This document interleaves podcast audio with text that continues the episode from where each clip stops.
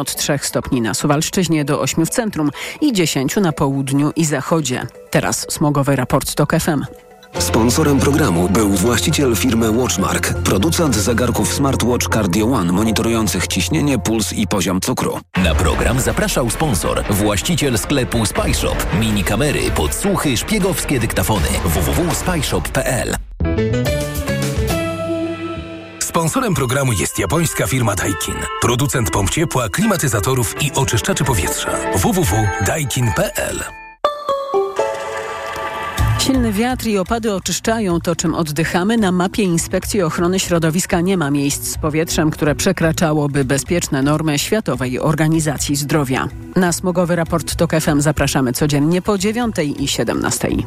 Sponsorem programu była japońska firma Daikin. Producent pomp ciepła, klimatyzatorów i oczyszczaczy powietrza. www.daikin.pl Radio TOK FM. Pierwsze radio informacyjne. Wywiad polityczny. Dzień dobry Państwu, przy mikrofonie Karolina Lewicka. Zapraszam Państwa na wywiad polityczny, a mój Państwa pierwszy gość to Michał Szczerba, poseł Platformy Obywatelskiej i przewodniczący Sejmowej Komisji Śledczej do spraw tzw. Tak afery wizowej. Panie pośle, dzień dobry. Dzień dobry Pani, dzień dobry Państwu. Czy Pan, Panie pośle, jako poseł ugrupowania wchodzącego w skład koalicji rządzącej ma już wiedzę, czy Sejm w tym tygodniu zajmie się uchwałami w sprawie Trybunału Konstytucyjnego? Nie, nie mam wiedzy. Mm, wiem, że temat jest rozważany, natomiast e, jak rozumiem, projekt e, uchwał w tej sprawie jeszcze się nie pojawił.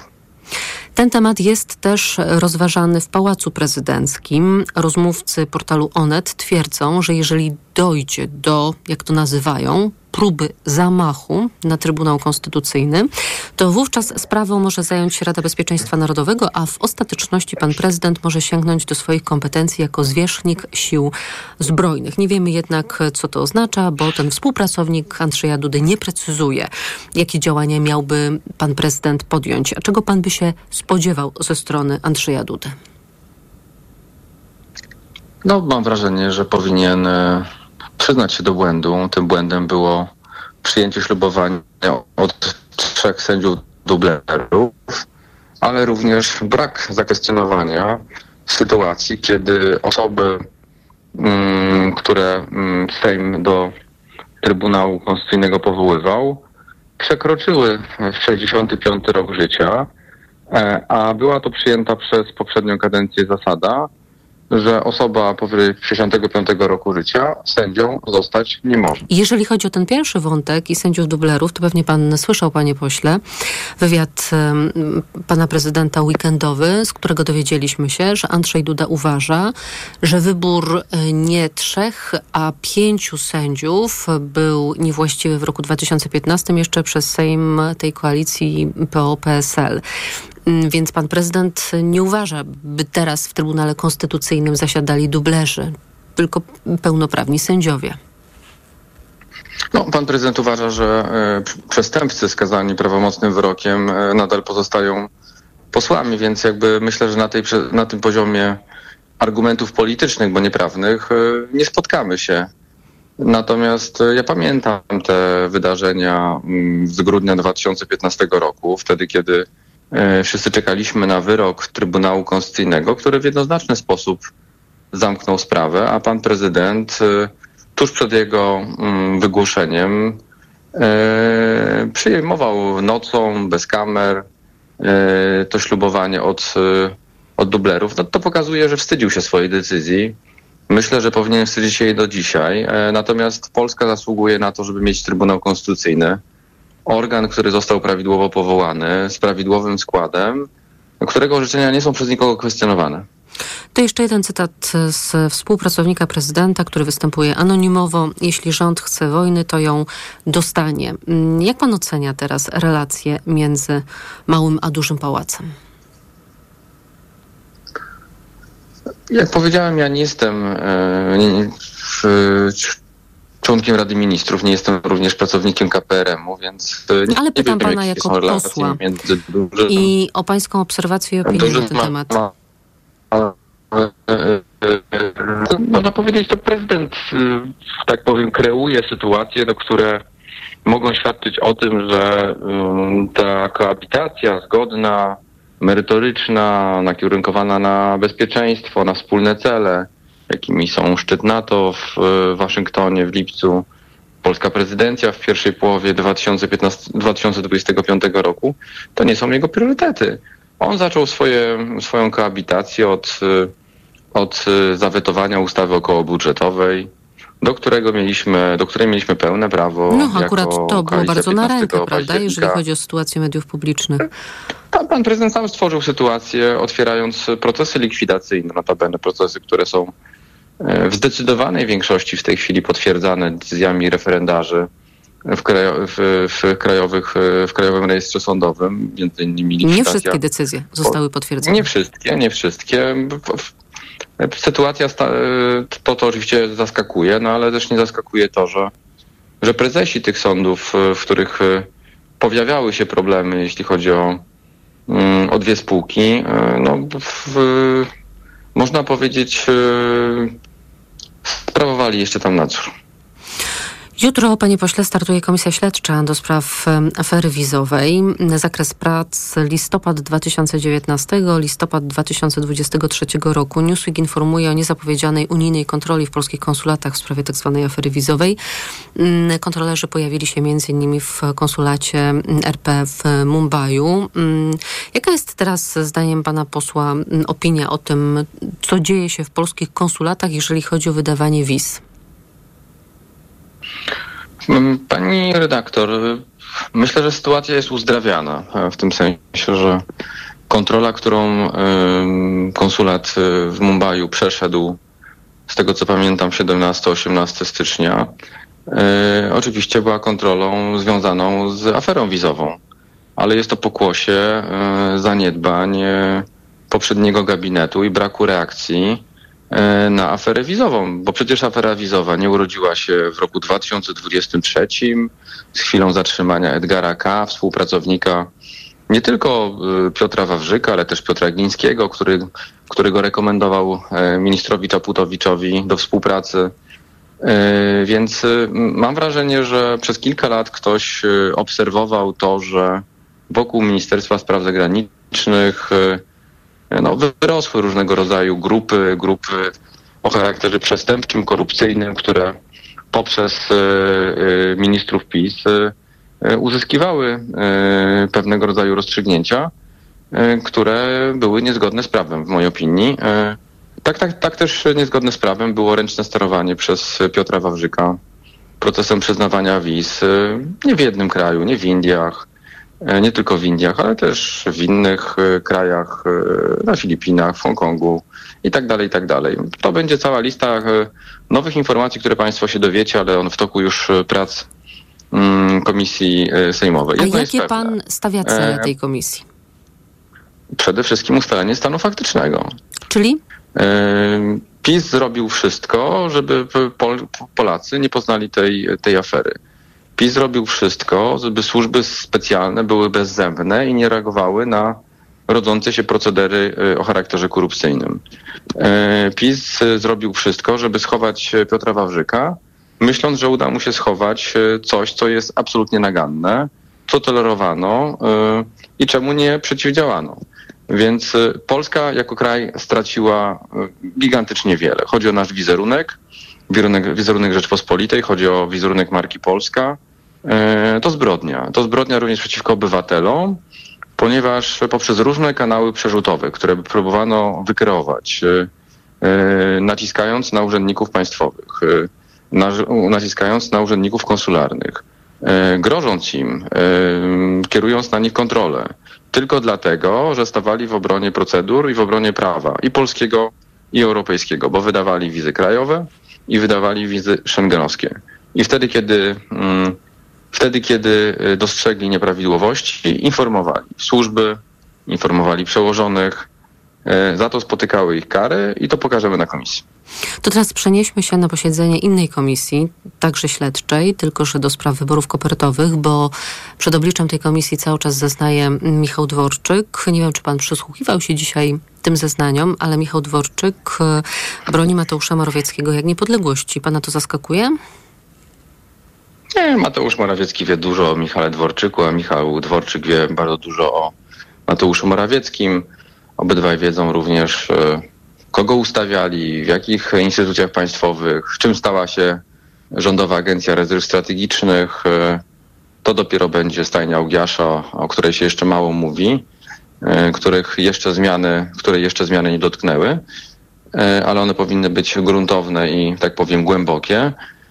Więc to jest oczywiście układ wzajemnej obrony i tak będzie do końca. Natomiast Mam wrażenie, że zaniedbania również szefa kancelarii premiera są zasadnicze. Przede wszystkim to, że e, kancelaria premiera wykonywała e, również jego polecenia e, dotyczące przygotowania procedury wyborczej, która nie miała żadnego E, żadnego. No to tutaj się zatrzymajmy, bo tutaj jest też próba wybrnięcia przez Michała Dworczyka.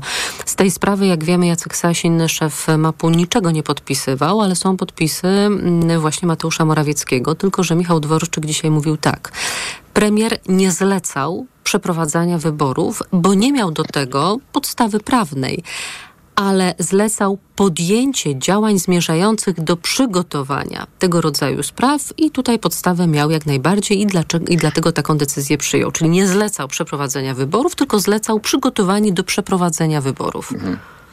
Tylko to przygotowanie e, do wykonania e, wyborów, przeprowadzenia ich poza e, Państwową Komisją Wyborczą, która wówczas i dzisiaj ma ustawowy obowiązek nadzoru nad tym e, procesem e, wyborczym było czystym bezprawiem.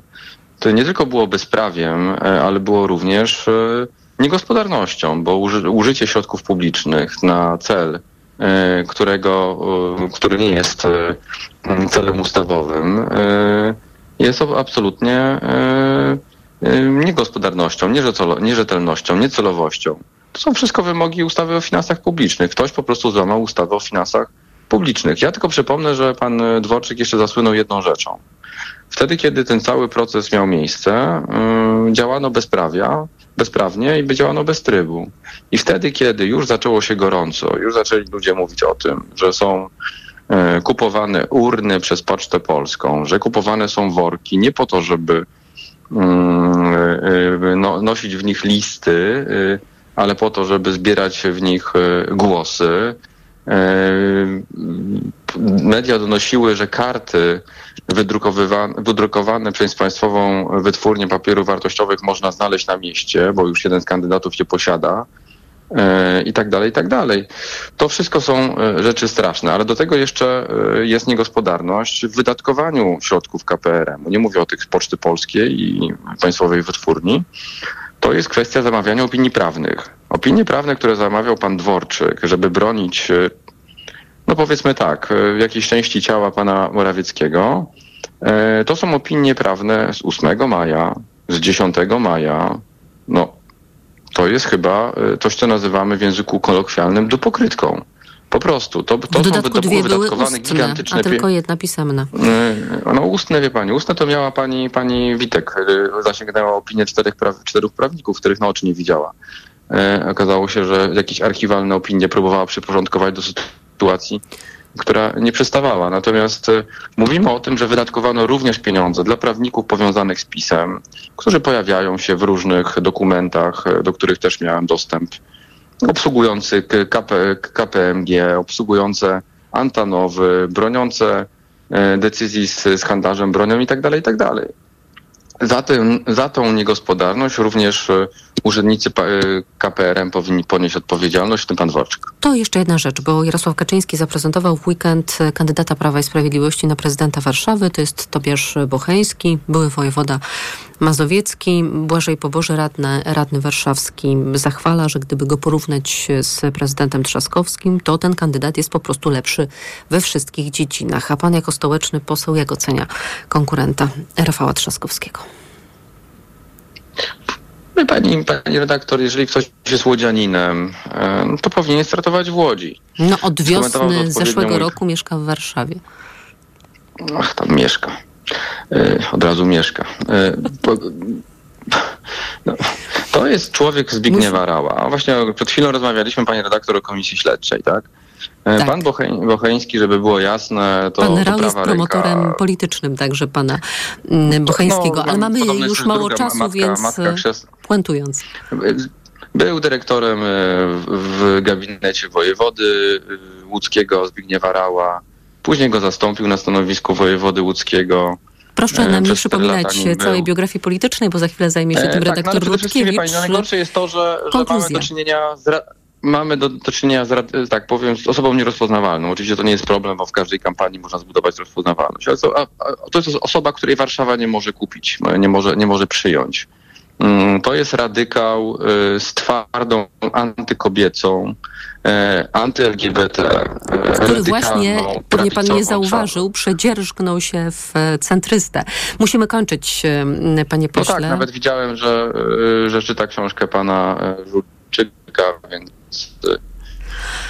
mam, mam, no mam nadzieję, że, że ten, że podziela wszystkiego pogląd. Michał Szczerba, poseł Platformy Obywatelskiej i szef Sejmowej Komisji Śledczej do spraw tzw. Tak afery wizowej. Dziękuję za rozmowę.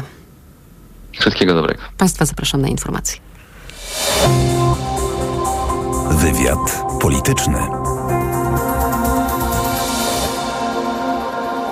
Reklama. Technologia bliska sercu w MediaMarkt. Aparat natychmiastowy Instax Mini 12 z wkładami na 20 zdjęć w zestawie już za 469 zł. A smartfon Samsung Galaxy M34 z wyświetlaczem Super AMOLED taniej o 100 zł. Najniższa cena przed obniżką 1099 zł. Teraz za 999 zł. Dostępne też w 40 ratach. RRSO 0% i do sierpnia nie płacisz. Kredyt udziela Bank BNP Paribas po analizie kredytowej. Szczegóły w sklepach i na MediaMarkt.pl. Boli mnie gardło. Mamo, zerkniesz? Czerwone. Babcia da ci lizaka. Lizaka? No co ty? Lizaka Naturcept Med Gardło bez cukru. To wyrób medyczny, który leczy podrażnienia, łagodzi ból i nawilża gardło. Mmm, pyszne. Jak gardełko? Już nie boli. To jest wyrób medyczny. Używaj go zgodnie z instrukcją używania lub etykietą. Łagodzi podrażnienia, nawilża i odświeża błonę śluzową jamy ustnej i gardła. Aflofarm. Lizaki Naturcept Med. Pysznie smakują, gardło kurują. out. Porozmawiajmy o zakładaniu firmy. Jest z nami Radek Kotarski. Panie Radku, czy zna pan słowo infakt? Oczywiście, że tak. Co to znaczy infaktować? Infaktować to prowadzić firmę bez zmartwień. A ten, kto infaktuje? Ten wystawia faktury w aplikacji Infakt, a księgowy z Infaktu dba o porządek w księgowości. Infaktycznie. Załóż firmę bezpłatnie i bez wychodzenia z domu na infakt.pl. Infakt. Zakładanie firm i księgowość w jednym miejscu. Polecamy. Wodek Markowicz i Radek Kotarski. Kierowco, bądź przygotowany na wszystko, co może spotkać Cię w drodze i na parkingu. Poznaj wideorejestratory Garmin Dashcam, które wyróżnia solidna konstrukcja, świetna jakość nagrań i automatyczne wykrywanie zdarzeń. Twoje auto jest bezpieczne, nawet jeśli nie jesteś w pobliżu, dzięki funkcji ochrony parkingowej umożliwiającej podgląd na żywo. Wideorejestratory Garmin Dashcam dostępne w Media Expert już od 450 zł. Bo w Media Córciu, zerknij na moje wyniki badań. Wyglądają ok, ale w Twoim wieku musisz dbać o układ krążenia, a zwłaszcza o ciśnienie. Zacznij stosować Neomak Cardio. Suplement diety Neomak Cardio zawiera zdrową dawkę magnezu oraz dodatkowe substancje wspierające pracę serca i układu krążenia. Sam zobacz. O, widzę, że wspomaga również utrzymanie prawidłowego ciśnienia krwi. Wezmę to sobie do serca i zamienię swój magnez na Neomak Cardio. Neomak Cardio. Więcej niż magnez. Aflofarm. Wyciąg z głowy wspomaga prawidłowe funkcjonowanie serca i wspiera prawidłowe krążenie krwi. Potas pomaga w utrzymaniu prawidłowego ciśnienia krwi. Reklama. Radio TOK FM. Pierwsze radio informacyjne. Informacje TOK FM. 17.21 Elżbieta Mazur-Bielat. Znamy już szczegóły raportu Najwyższej Izby Kontroli w sprawie Orlenu. Kontrolerzy prześwietlili m.in. działania Jacka Sasina, który jako wicepremier i minister aktywów państwowych osobiście nadzorował połączenie Orlenu i Lotosu. Mówi Michał Wilkowicz z NIK-u. Wydając zgody korporacyjne na fuzję i kierując do Rady Ministrów wniosek o wyrażenie na to zgody, minister nie miał pełnej wiedzy o kosztach i korzyściach połączenia oraz o jego skutkach dla bezpieczeństwa paliwowego i bezpieczeństwa infrastruktury krytycznej objętej środkami zaradczymi. Izba zapowiada, że po kontroli zwróci się z wnioskami do prokuratury. Po publikacji raportu NIK-u z dziennikarzami spotkał się członek zarządu Orlenu Janusz Szewczak i zapewniał, że spółka ma wyliczenia, że na transakcji z Saudyjczykami Orlen nie tylko nie stracił, ale zarobił 9 miliardów złotych. Jest gotowy projekt zmian w kodeksie karnym, a w nim nowe zapisy dotyczące przestępstw z nienawiści. Do katalogu przyczyn takich przestępstw mają być dopisane nowe przesłanki: płeć, orientacja seksualna i tożsamość płciowa. Chodzi o to, by skończyć ze szczuciem na osoby LGBT, mówi wiceminister sprawiedliwości Krzysztof Śmiszek. Tak jak inne przestępstwa rasistowskie czy ksenofobiczne, ta mowa nienawiści homofobiczna czy transfobiczna, czy e, przestępstwa na tle e, homofobii czy transfobii będą ścigane z urzędu i będą ścigane tak jak rasistowska mowa nienawiści. Od dawna apelowała o to społeczność LGBT. To są informacje TOK FM. Prokuratura wszczęła śledztwo w sprawie założenia, a następnie posługiwania się urządzeniem GPS w samochodzie Włodzimierza Karpińskiego. Zawiadomienie o podejrzeniu nielegalnych działań operacyjnych CBA złożył właśnie były sekretarz w warszawskim ratuszu i były minister w rządzie PO-PSL. Prokuratorzy przesłuchali już Karpińskiego i kilku świadków. Były członek rządu PO-PSL przez 9 miesięcy był w areszcie w związku z podejrzeniem przyjęcia 5 milionów złotych łapówki. W listopadzie wyszedł na wolność, bo objął mandat europosła. Jeszcze utrudnienia na autostradzie A4 na Dolnym Śląsku między węzłami Legnica Południa a Legnica Wschód zapaliła się naczepa ciężarówki. Trwa akcja strażaków. Przejazd w kierunku Wrocławia jest zablokowany. Kolejne informacje to FM o 17.40. Teraz prognoza pogody.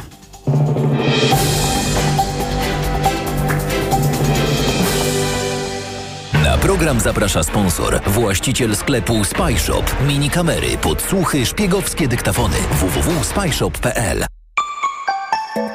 Pogoda. Jutro deszcz ma padać głównie na północy, a deszcz ze śniegiem i śnieg na Suwalszczyźnie i Podlasiu. Na termometrach w ciągu dnia od 3 stopni na Suwalszczyźnie do 8 w centrum i 10 na południu i zachodzie. W górach utrzyma się jeszcze silny wiatr. Na program zapraszał sponsor, właściciel sklepu Spyshop. Mini kamery, podsłuchy, szpiegowskie dyktafony. www.spyshop.pl Radio TOK FM. Pierwsze radio informacyjne. Wywiad polityczny. Paweł Rutkiewicz jest z nami, Forbes Polska. Dzień dobry panie redaktorze.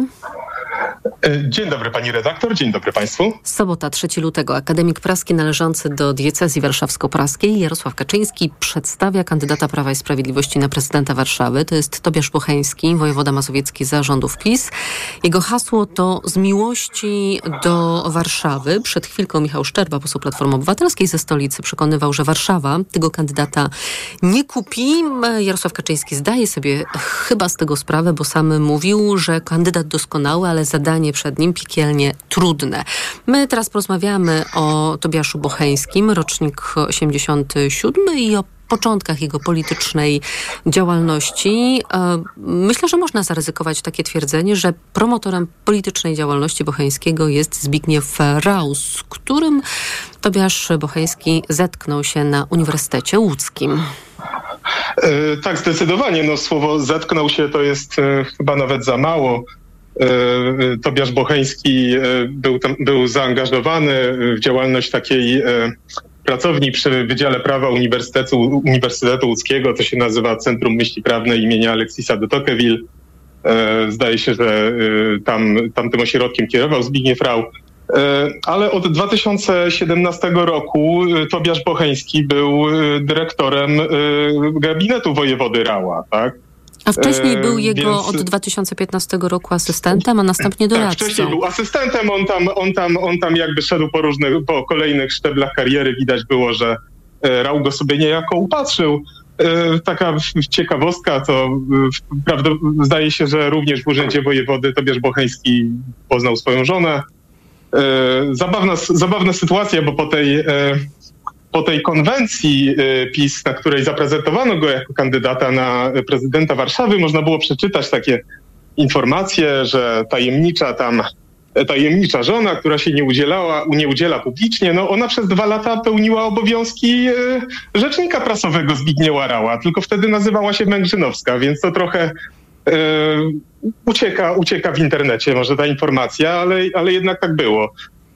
No więc, więc tak, no Tobiasz Bocheński właściwie wyrósł pod skrzydłami Zbigniewa Rau. Po tym jak Zbigniew Rau dostał się w 2019 roku do parlamentu, został ministrem spraw zagranicznych, to e, Tobiasz Bocheński niejako, niejako zajął jego miejsce. No nawet nie niejako, i... po prostu zajął jego no, miejsce, został wojewodą no, łódzkim. Po prostu zajął, tak. Po prostu zajął, tak dokładnie. E, przy czym ta jego pełnienie urzędu wojewody przez Tobiasza Bocheńskiego było pod pewnymi względami niezwykłe. Bo zawsze raczej urząd wojewody to kojarzył się znaczy właściwie w szerokiej publiczności to z niczym się nie kojarzył. No wojewoda to był taki wykonawca po prostu polityki rządu w terenie. Nawet Zbigniew Rau właściwie nie, nie był specjalnie rozpoznawalny. Zresztą po jego wyniku wyborczym z 2019 roku to widać, gdyby Waldemar Buda i Piotr Gliński nie wykręcili wtedy dobrego wyniku, to w ogóle by nie wszedł do Sejmu.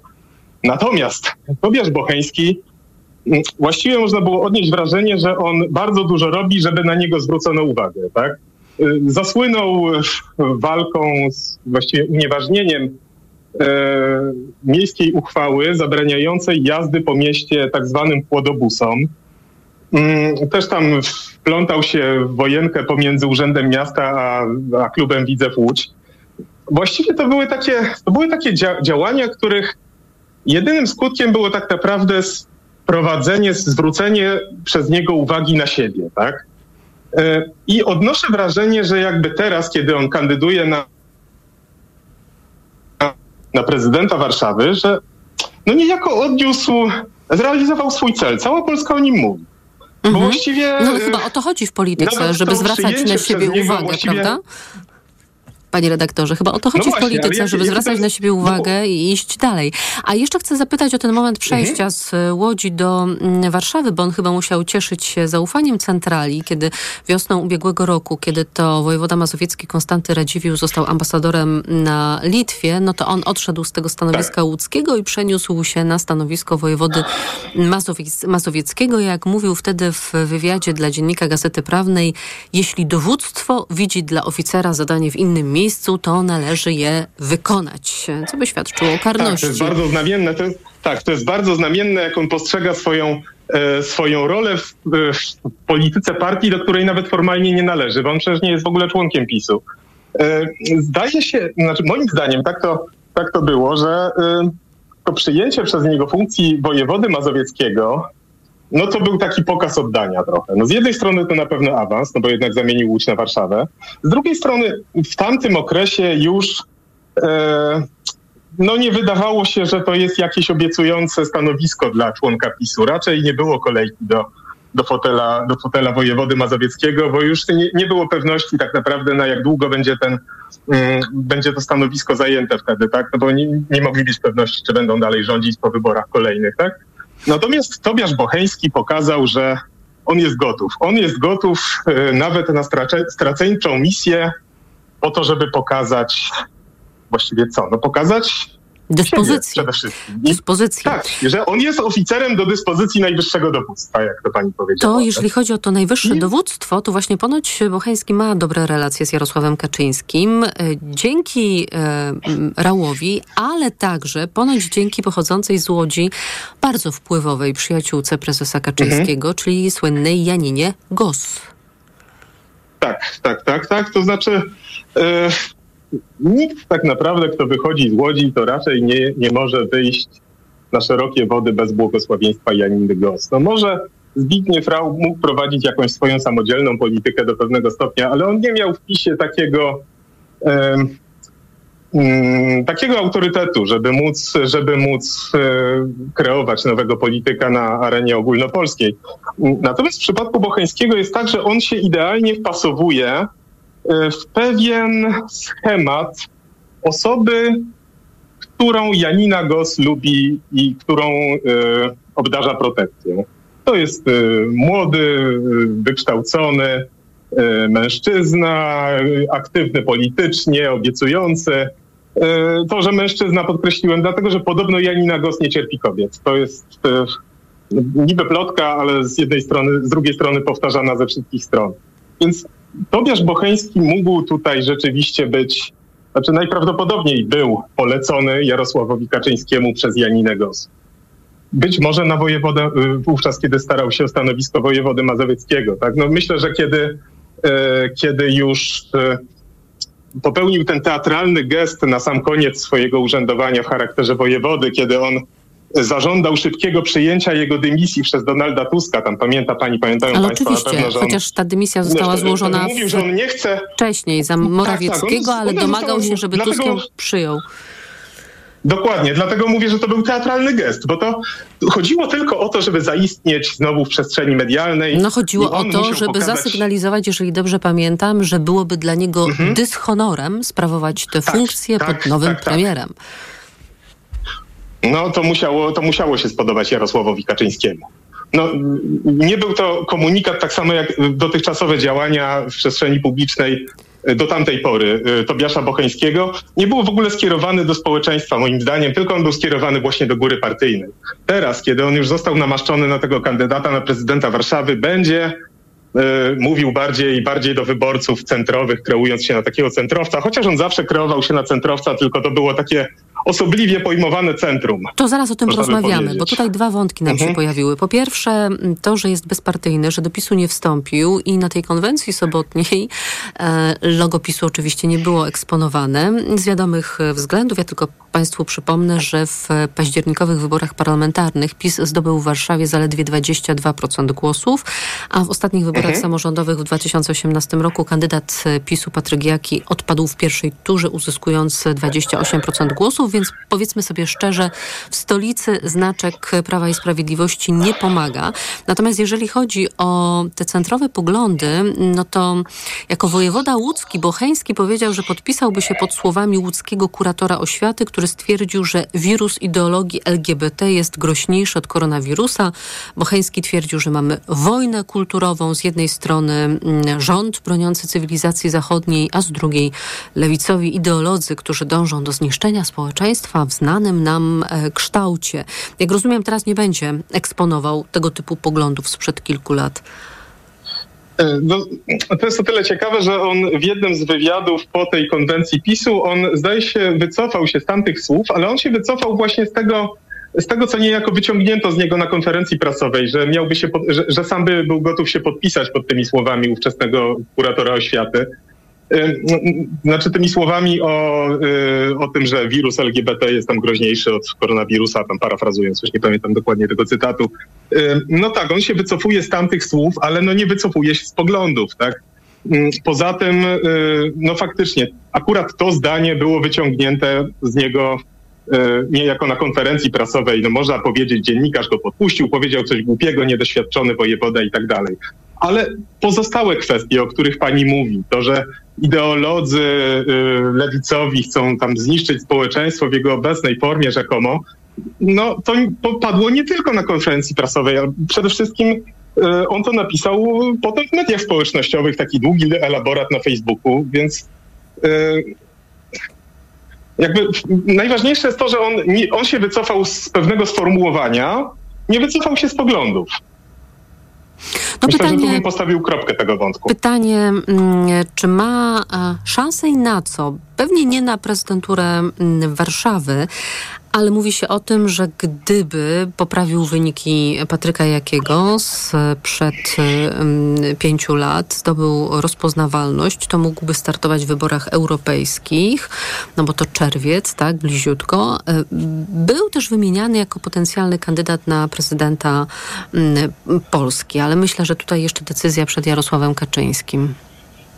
Decyzja przed Jarosławem Kaczyńskim pewnie wszystko zależy od tego, jak sobie poradzi w tej kampanii wyborczej y, dwumiesięcznej, ale ja nie mam wątpliwości, że tutaj nie chodzi tylko o prezydenturę Warszawy, no bo można by sobie wyobrazić, że y, podchodząc na poważnie do tej kandydatury, y, że spin doktorzy w PiSie będą próbowali przedstawić go jako tego kandydata przyjezdnych warszawiaków.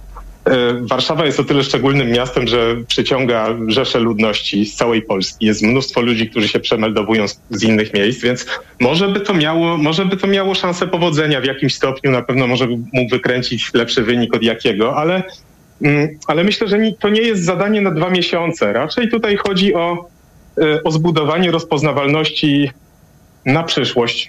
Wydaje mi się, że jednak ten scenariusz z wyborami prezydenckimi jest bardziej prawdopodobny.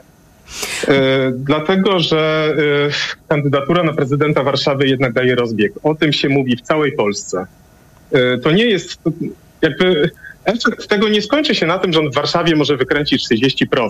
Tak? No, o nim będzie mówić cała Polska. On będzie kierował się do tych wyborców, którzy do których chce się kierować PiS w całej Polsce. To jest początek kampanii prezydenckiej, moim zdaniem.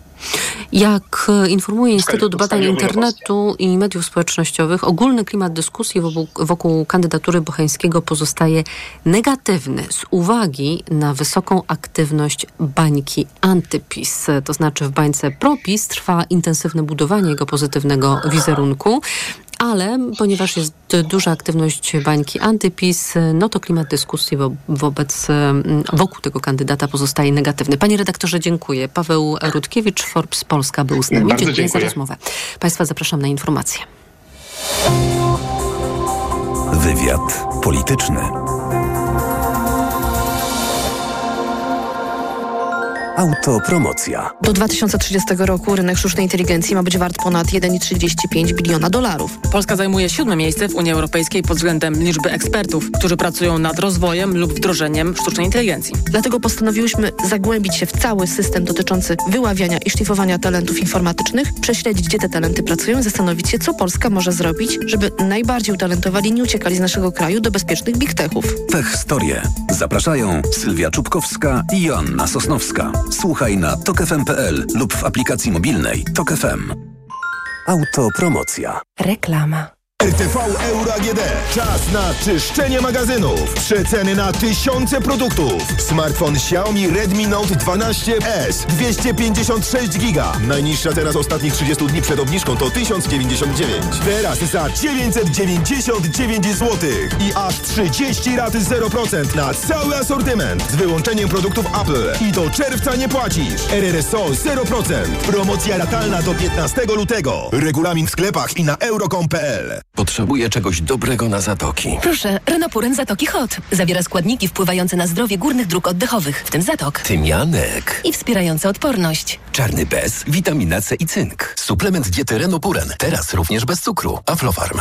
Dziś na wyborcza.pl. Kulisy działania Funduszu Sprawiedliwości. Jak przyznawano dotacje, ile wydano i kto otrzymał wsparcie. Co stanie się z pieniędzmi, które zostały w kasie ministerstwa. O działaniu Funduszu Sprawiedliwości czytaj dziś na wyborcza.pl. Jako dietetyk na wątrobę zawsze polecam Proliver, ponieważ zawiera składniki wspierające właściwą pracę wątroby. Często ze względu na dietę, wiek czy masę ciała zwracam uwagę na poziom cukru we krwi. Wtedy proponuję nowość Proliver Diabeto. Suplement diety Proliver Diabeto dba o wątrobę, a dodatkowo zawiera wysoką dawkę morwy białej, która przyczynia się do utrzymania prawidłowego poziomu cukru. Stosując Proliver Diabeto osiągamy obie te ważne korzyści. Proliver Diabeto, zdrowa wątroba i prawidłowy poziom cukru. Aflofarm. Wyciąg z liści karczocha wspiera utrzymanie zdrowej wątroby.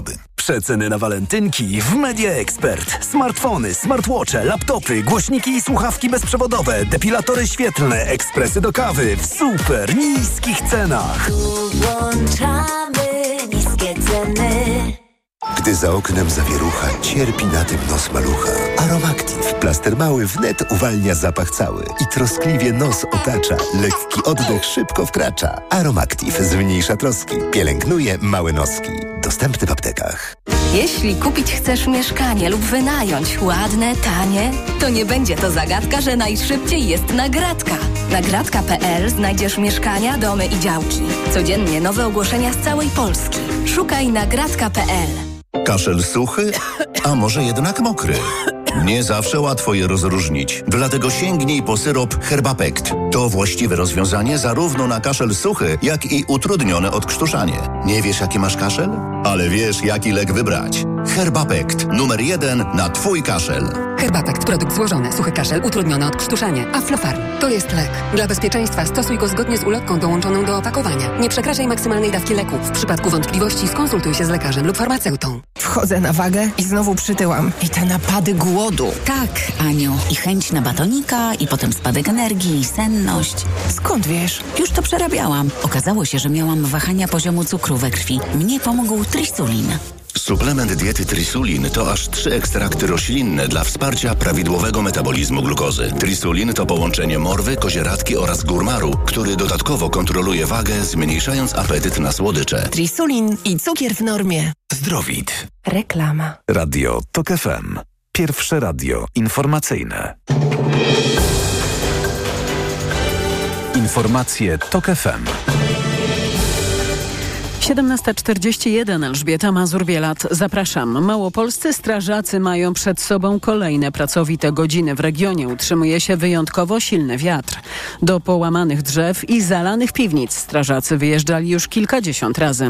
Instytut Meteorologii i Gospodarki Wodnej wydał ostrzeżenie przed wiatrem dla całej Małopolski, ale to nie wszystko, mówi nam rzecznik Instytutu Grzegorz Walijewski. Również wydane są ostrzeżenia i to trzeciego stopnia przed roztopami. Wysoka temperatura temperatura plus opady deszczu, plus silny wiatr powodują, że pokrywa śnieżna, szczególnie ta niżej położona w obszarach górskich, będziesz bardzo szybko się topić. W Małopolsce są już lokalne podtopienia. Teraz Mazowsze w całym powiecie płockim wciąż obowiązuje pogotowie przeciwpowodziowe. Dzisiaj poziom Wisły w Wyszogrodzie i Kępie Polskiej spadł poniżej stanu ostrzegawczego, ale w miejscowości Wykowo pod Płockiem woda ciągle przekracza ten stan. Z tego powodu w całym powiecie płockim wciąż jeszcze obowiązuje pogotowie przeciwpowodziowe wprowadzone tam w zeszłym tygodniu. Jakość ukraińskiego cukru sprowadzanego do Polski ma być kontrolowana. Miałby to sprawdzać Sanepid. Jak tłumaczy wiceminister rolnictwa Michał Kołodziejczak, nikt nie wie, jakiej jakości jest ten cukier i czy nie ma w nim niedopuszczalnych w Polsce związków chemicznych. Cukier, który wąchałem na granicy, po dla mnie dziwnym stwierdzeniu, że ten cukier idzie do przemysłu, może on dziwnie pachnieć. No dla mnie nie może. Dlatego występuję do Ministerstwa Zdrowia o to, by Sanepid prowadził pełen nadzór nad każdą partią cukru, który będzie przyjeżdżał do Polski. Mamy tutaj pełną gotowość do podjęcia takich działań i rozwiązań, jakie będą oczekiwane i jakie będą zgodne z stanem prawnym. Dodaje wojewódzka inspektor sanitarna w Lublinie Jolanta Korniszuk. To są informacje TOK FM. Rządząca na Węgrzech koalicja zbojkotowała dziś nadzwyczajne posiedzenie parlamentu w sprawie przystąpienia Szwecji do NATO. Obrady zostały zwołane na wniosek opozycji, która domaga się szybkich decyzji władz. Ponieważ zabrakło posłów koalicji na sali, nie udało się zebrać kworum i nie można było przeprowadzić głosowania. Kolejne podejście pod koniec miesiąca. W węgierskim parlamencie byli dziś natomiast ambasadorowie kilku państw sojuszu, w tym ambasador USA. W ubiegłym tygodniu amerykańscy politycy wzywali Węgry do jak najszybszego przyjęcia szwedzkiego wniosku. O 18 TOK 360, czyli podsumowanie dnia w Radiu TOK FM, a ode mnie jeszcze prognoza pogody. Pogoda. Jutro deszcz znów ma padać, głównie na północy. Deszcz ze śniegiem i śnieg możliwy na Podlasiu i Suwalszczyźnie. Najcieplej będzie na południu i zachodzie, do 10 stopni w ciągu dnia najchłodniej, najwyżej 3 na Suwalszczyźnie. Radio TOK FM. Pierwsze radio informacyjne. Wywiad polityczny. Jakub Wiech jest z nami, redaktor naczelny portalu Energetyka24. Dzień dobry, redaktorze. Czy się słyszymy? Dzień dobry Pani, dzień dobry Państwu. Znakomicie. Mamy Tak, już ja się. oficjalnie raport NIK-u dotyczący fuzji Orlenu i Lotosu i zbycia aktywów Lotosu. W skrócie, aktywa Lotosu zostały sprzedane co najmniej 5 miliardów złotych poniżej wartości. Saudi Aramco zaś uzyskało bardzo mocną pozycję w rafinerii gdańskiej, w tym prawo weta wobec kluczowych decyzji strategicznych w zakresie zarządzania spółką. A minister Jacek Sasin rekomendował rządowi wyrażenie zgody na fuzję bez należytej analizy kosztów i korzyści, zarówno na poziomie podmiotów, jak i bezpieczeństwa paliwowego całego kraju. Tyle konkluzje. Za chwilę możemy zagłębić się w szczegóły, ale chciałabym na początek zapytać pana o rzecz chyba najciekawszą, bo Właściwie odpowiedzi na to pytanie powinniśmy oczekiwać od prokuratury, która zresztą w końcu zajęła się sprawą. Jak dochodzi do takiej sytuacji? Państwo nie działa, ma nie działać, indolencja, intencjonalne działanie, korupcja. Paradoksalnie, jeżeli spojrzymy na raport NIK-u, to okaże się, że te najcięższe argumenty, y, jakie Izba przedstawiła, dotyczą nie samego Orlenu jako spółki, tylko nadzoru właścicielskiego w postaci ministra aktywów państwowych, którym był Jacek Sasin. Bo przeglądając to, co y, Izba opublikowała dzisiaj i to, co padło na konferencji, ja odnoszę takie wrażenie, że y, te, zakres argumentów dotyczy przede wszystkim tego, że Jacek Sasin jako minister aktywów państwowych albo zaniechał podjęcia pewnych działań, albo nie miał pełnego wglądu w sytuację, bo nie dysponował odpowiednimi e, danymi, albo po prostu e, sprawował nadzór w sposób e, niewłaściwy, sposób, w sposób nieprofesjonalny. I to na nim skupia się ten największy kaliber krytyki Izby Kontroli i też tutaj nie ma moim zdaniem dobrych takich argumentów na odparcie zarzutu, e, zarzutów stawianych przez, e, przez NIK, bo e, w, NIK prześwietliło to, co, się, co robiło Ministerstwo Aktywów Państwowych. Natomiast jeżeli chodzi o działalność samego Orlenu, i ten aspekt łączenia. Ale to za moment, bo, bo mam wrażenie, że w tym wątku dotyczącym Jacka Sasina postawione przeze mnie pytanie możemy postawić ponownie, bo to znowuż jest pytanie, dlaczego minister aktywów państwowych nierzetelnie, jak mówi raport, wykonywał ustawowe obowiązki kontrolne i nadzorcze. Czy dlatego, że nie potrafi, czy dlatego, że się nie interesował, czy też może dlatego, że wszystko to, co działo się wokół fuzji, a potem zbycia e, aktywów, było poza Jackiem Sasinem. To jest doskonałe pytanie. Natomiast e, to, co przedstawił nikt, niestety nie pozwala na nie w pełni odpowiedzieć. Możemy spekulować odnośnie e, tego, e, dlaczego na przykład minister aktywów państwowych nie zapewnił niezbędnych uprawnień, jeżeli chodzi o porozumienie i, porozumienia i umowy zawierane z, z Orlenem w zakresie w, w tych wszystkich działań, które towarzyszyły fuzji ze Lotosem, o czym wskazywał NIK, nie dysponował kompletem danych, e, w, jeżeli chodzi o koszty i potencjalne korzyści tego, tego połączenia, nie miał pełnej informacji w zakresie e, wpływu e, fuzji na bezpieczeństwo paliwowe państwa oraz na bezpieczeństwo samej infrastruktury krytycznej. No i też zaniechał wykonania pewnych działań, e, które w, no w zasadzie można powiedzieć nakłada na niego e, w, w, nakładają na niego polskie prawo jako osoby pełniącej nadzór nad takimi podmiotami jak, jak e, spółki Skarbu Państwa. Natomiast no tutaj właśnie wracając do pytania pani redaktor, czy możemy powiedzieć, że to była jakaś ignorancja po stronie pana premiera Sasina wynikająca właśnie z tego, że, że on nie wiedział, że ma to zrobić? No nie sądzę. Czy to było wynikiem tego, że trzeba było prowadzić fuzję w dużej mierze, mm, w, w, no, powiedzmy pod pewnym kierunkiem wytyczonym już wcześniej, jeżeli chodzi o obóz polityczny e, i ten kierunek był podtrzymywany e, i, i dlatego jakby działano w tym zakresie, no to mi się już wydaje pełniejszym wytłumaczeniem tej, tej sytuacji. Można jeszcze mierzyć, mnożyć inne, inne hipotezy, natomiast na razie będą one tylko hipotezami i e, trudno zawyrokować ostatecznie, co zaważyło na tym, że Ministerstwo Aktywów Państwowych e, no, na przykład nie dysponowało właśnie, bo to jest chyba najcięższy zarzut stawiany przez NIK, nie dysponowało pełnymi danymi dotyczącymi procesu e, połączenia e, w Orlenu z, z Lotosem i skutków tego procesu oraz potencjalnych, potencjalnych korzyści. To jest trochę tak, jakbyśmy postawili się w, w sytuacji na przykład kierowcy samochodu i wyłączyli sobie informacje dotyczące tego, jak szybko samochód jedzie, ile ma paliwa, czy jaka jest temperatura oleju i w tej sytuacji próbowali kierować e, pojazdem. No to jest nieracjonalne i co, co, co najmniej niebezpieczne i taki obraz tego zarządu czy nadzoru ze strony e, ministra aktywów państwowych wyziera z mm, przedłożonych przez NIK informacji. E, ale znowu, no, motywacje na razie tutaj pozostają tylko e, hipotezami. To teraz ten wątek finansowy, o którym zaczął już pan redaktor mówić. Przypomnijmy, aktywa Lotosu zdaniem kontrolerów NIK-u zostały sprzedane co najmniej 5 miliardów złotych poniżej wartości. Czytamy też e, i usłyszeliśmy na konferencji, że bez kontroli w Orlenie nikt nie był, nikt nie był w stanie ustalić, jaka była przyczyna sprzedaży tych aktywów poniżej wartości. Bo przypomnijmy, że Orlen nie wpuścił kontrolerów do swojej dokumentacji. To chyba był pierwszy taki przypadek w historii. Na dodatek jeszcze koncern nasłał policję do przesłuchiwania kontrolerów NIK-u. E, NIK zwracał się zresztą w tej sprawie o interwencję do ówczesnej marszałek Elżbiety Witek, ale bez powodzenia. Potem mówił o tym także prezes Banaś, że zaakceptowanie takiej sytuacji powoduje, że poza kontrolą NIK-u będzie prawie cała branża paliwowa, czyli nie tylko minister Sasin nie sprawował nad Orlenem żadnej kontroli, ale także na przykład Najwyższa Izba Kontroli, która mogłaby taką kontrolę sprawować, też jej nie sprawowała, ponieważ zatrzaśnięto kontrole, kontrolerom drzwi przed nosem. Więc moje pytanie, no coś musiało być do ukrycia, że ktoś tych kontrolerów wpuścić do Orlenu nie chciał.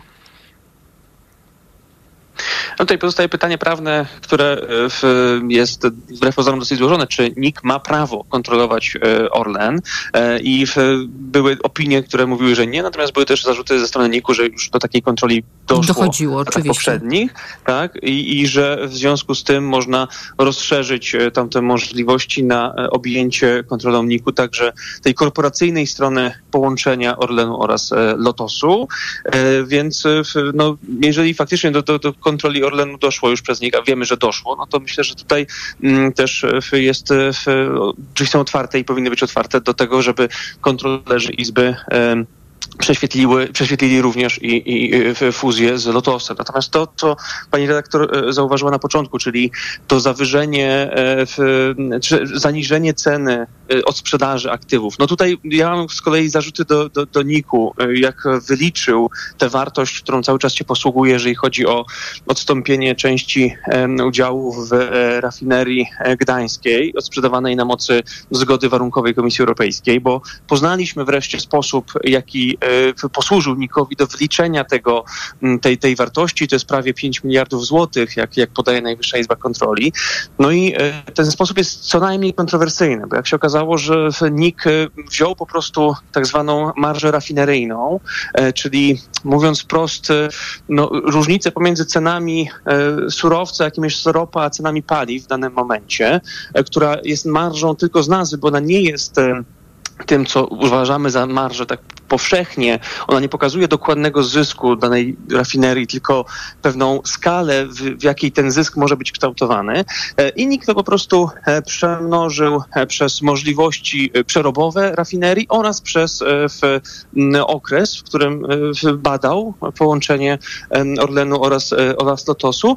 No i wyszło mu te właśnie niecałe 5 miliardów. No, tylko, że ten sposób mierzenia wartości jest bardzo niedokładny, bo to tutaj mówimy tak naprawdę o przyjęciu za podstawę wskaźnika, który nie podaje e, dokładnego zysku. Jest wręcz odległy od, e, od zysku e, jaki może osiągać e, w rafineria e, w, Gdańsku. I co więcej, e, ten wskaźnik został częściowo oparty na okresie, gdzie marża rafineryjna była bardzo wysoka. To jest okres wyjątkowy. I tutaj też można mieć istotne zarzuty, jeżeli chodzi o podanie tej wartości. I bardziej trzeba jakby zaniżyć tę, tę, tę kwotę podawaną przez NIK mniej więcej o połowę. I to oczywiście nie zwalnia Orlenu z zarzutu o to, że sprzedał aktywa poniżej e, ich, e, ich wartości, bo takie cały czas można stawiać. Natomiast to nie są te kwoty, którymi dzisiaj na przykład w, w, rzucił NIK, czy też którymi rzucano wcześniej, wcześniej w mediach. Więc ta sprawa dotycząca zaniżenia wartości musi zostać moim zdaniem zniuansowana. I z tego też między innymi powodu chciałbym, żeby kontrolerzy NIK mogli wejść do Orlenu i przejrzeć te dokumenty, które były po stronie korporacyjnej, jeżeli chodzi o udokumentowanie całego połączenia, no bo w tym momencie trochę NIK y, jest ofiarą własnego zarzutu, bo tak jak wskazywał względem ministra aktywów państwowych, że ten nie nie podjął decyzji na podstawie kompletu danych, informacji, no tak samo nikt nie podjął tych decyzji, które przełożyły się na wnioski kontrolne na podstawie pełnych informacji, bo był odcięty od e, dokumentów dotyczących negocjacji korporacyjnych, dotyczących samych umów, więc nie ma pełnego obrazu. nie wie dokładnie, czy na przykład cena, która została w, w, zawarta w umowie z, z Saudyjczykami, nie wynika z pewnych dodatkowych umocowań w innych umowach lub też nie jest po prostu elementem pewnej takiej gry, szerszej gry negocjacyjnej.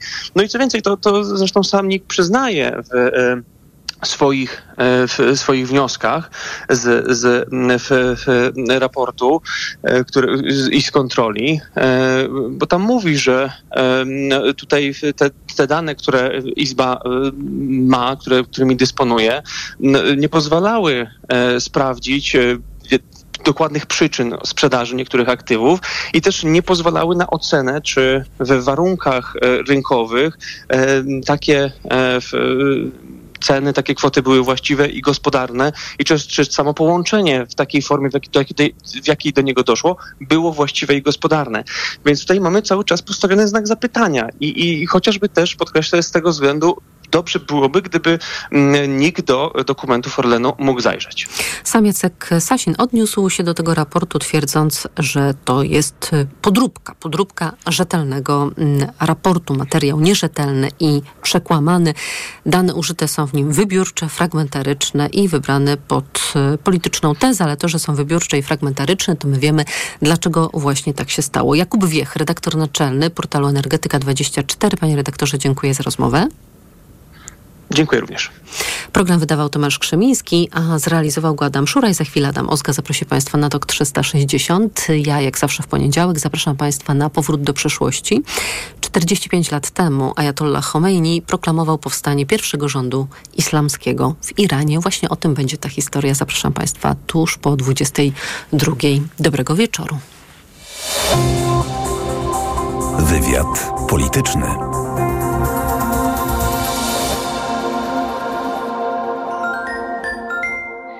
Koniec dnia to idealny moment na chwilę zastanowienia nad nami, światem, historią. Zwolnij, weź oddech i posłuchaj o wszystkim, co ważne. Maciej Zakrocki przedstawia. Od poniedziałku do piątku po 23. Do usłyszenia.